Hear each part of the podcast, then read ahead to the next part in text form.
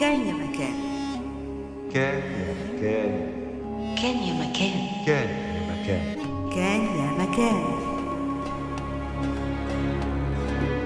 أهلا ومرحبا بكم.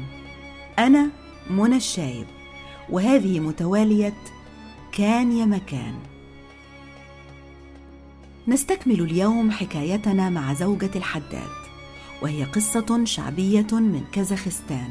من ترجمة دكتور أبو بكر يوسف.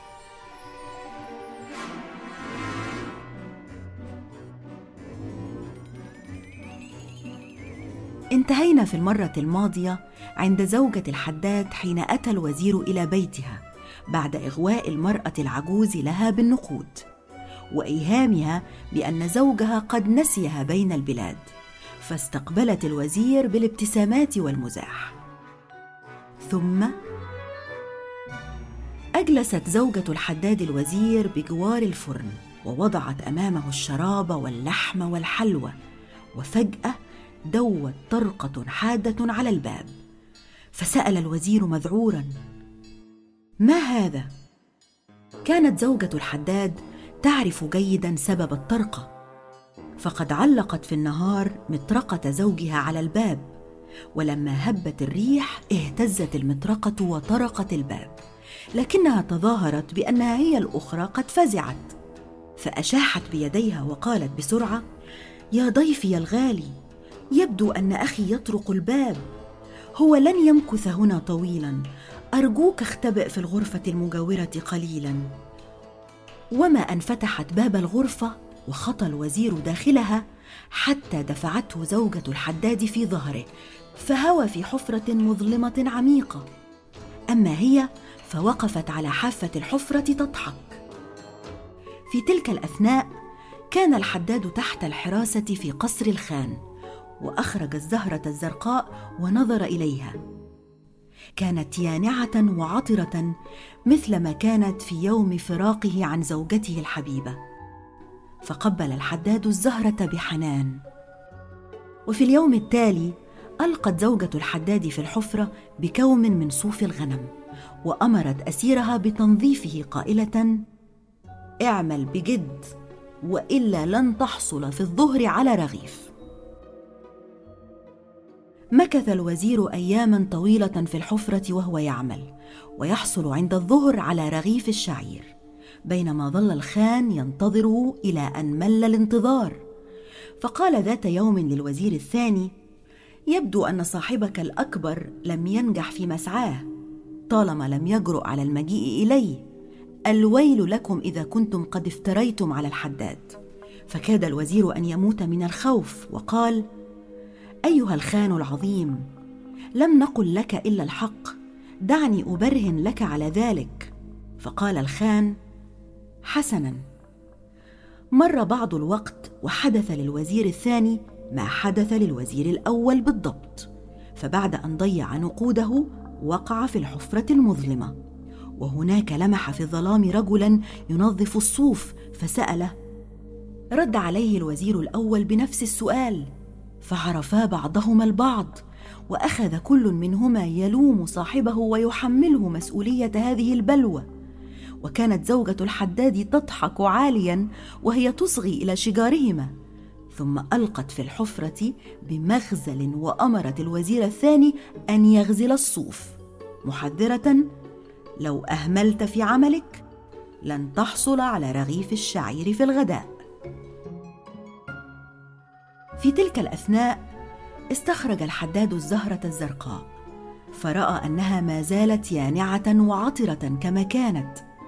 أما الخان فعندما طال غياب الوزير الثاني أرسل إلى زوجة الحداد بالوزير الثالث وقال له إذا لم تعد بعد ثلاثة أسابيع سوف أعلقك أنت والوغدين السابقين على المشانق. مضى الوزير الثالث حائرا مهموما وهو يتوقع شرا وسرعان ما التقى بصاحبيه في قاع الحفرة الرطبة وراح كل منهم يحمل الآخرين تبعات ما حدث.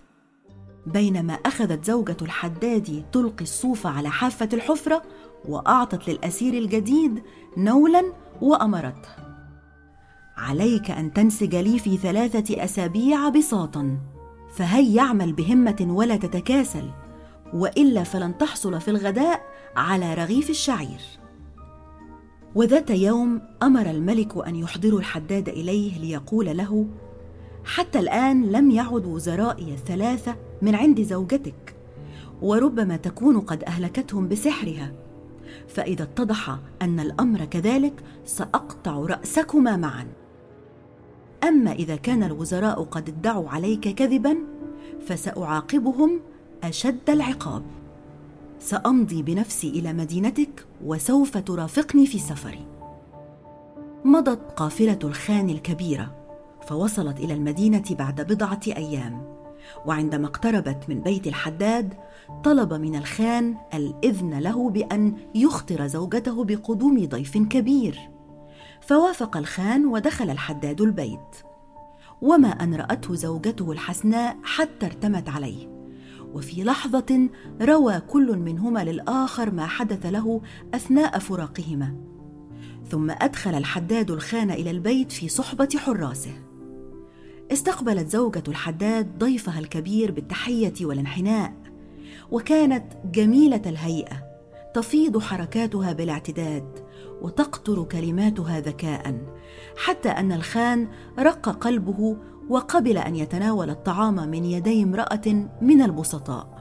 وسألها وهو جالس على بساط جميل يتناول الشراب أخبريني أيتها المرأة؟ ألم يات إليك في غياب زوجك ثلاثة من وزرائي الواحد منهم تلو الآخر؟ فأجابت أطال الله عمر الخان العظيم إن مكان الوزراء هو إلى جوار مولاهم فما الذي يجعلهم يأتون إلى بيت امرأة فقيرة وحيدة؟ صمت الملك ولكي يخفي خجله راح يتفحص الرسم الجميل في البساط ثم سألها من أين لك أيتها المرأة بهذا البساط الفخم؟ أجابته في كبرياء لقد نسجه خدمي يا مولاي العظيم. فرفع الخان حاجبيه دهشة خدمك؟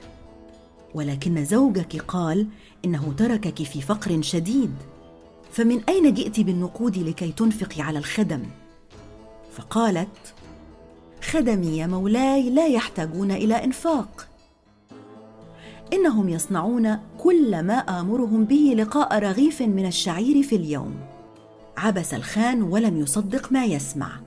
فأكملت زوجة الحداد سترى يا مولاي خدمي بعينيك وسيؤكدون لك ما قلته.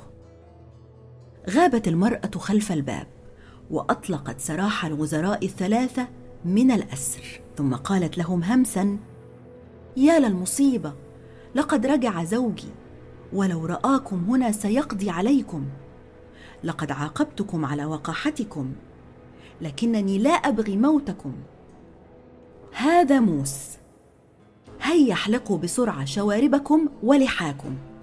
وتلك ثيابي القديمة البسوها بسرعة وسأخرجكم من البيت على أنكم صديقاتي. فعل الوزراء كل ما أمرتهم به دون معارضة.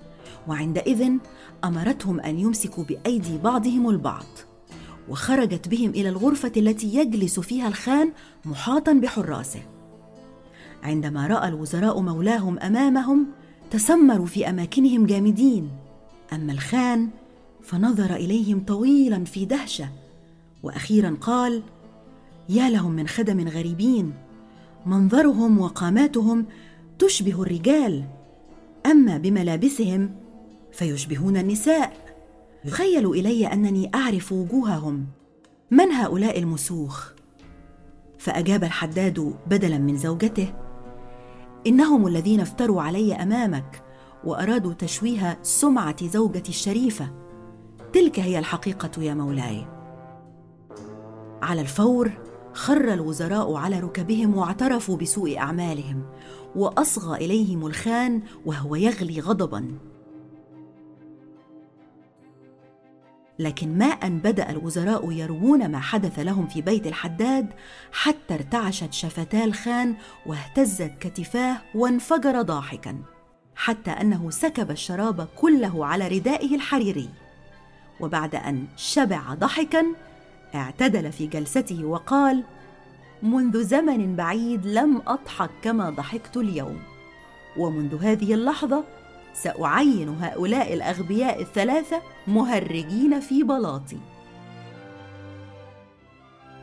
والتفت إلى الحداد قائلا أما أنت أيها الأسطى المجيد فستذهب معي أنت وزوجتك الوفية إلى عاصمتي. ضيفين عزيزين وسأكافئك حسب قدرك وخدماتك. مر ما مر من أعوام ودهور وطوى التراب عظام الخان ووزرائه الخبثاء الذين أصبحوا مهرجين والحداد وزوجته الجميلة. لكن القصر الذي شيده الأسطى العظيم لا يزال قائما إلى الآن في مكانه يخلب الأنظار بجماله المدهش لأن كل شيء مصيره للزوال ولا يخلد إلا ما يصنعه عقل الإنسان ويداه وعندئذ آه علي الآن أن أنصرف. لكن لكن حكاياتنا لم تنتهي بعد. سأرويها لكم. قريبا قريبا جدا. انتظروني. فإلى اللقاء كان يا مكان. رئيس التحرير عائشة المراغي. الهندسة الصوتية أحمد حسين. المنتج الفني شهرزاد.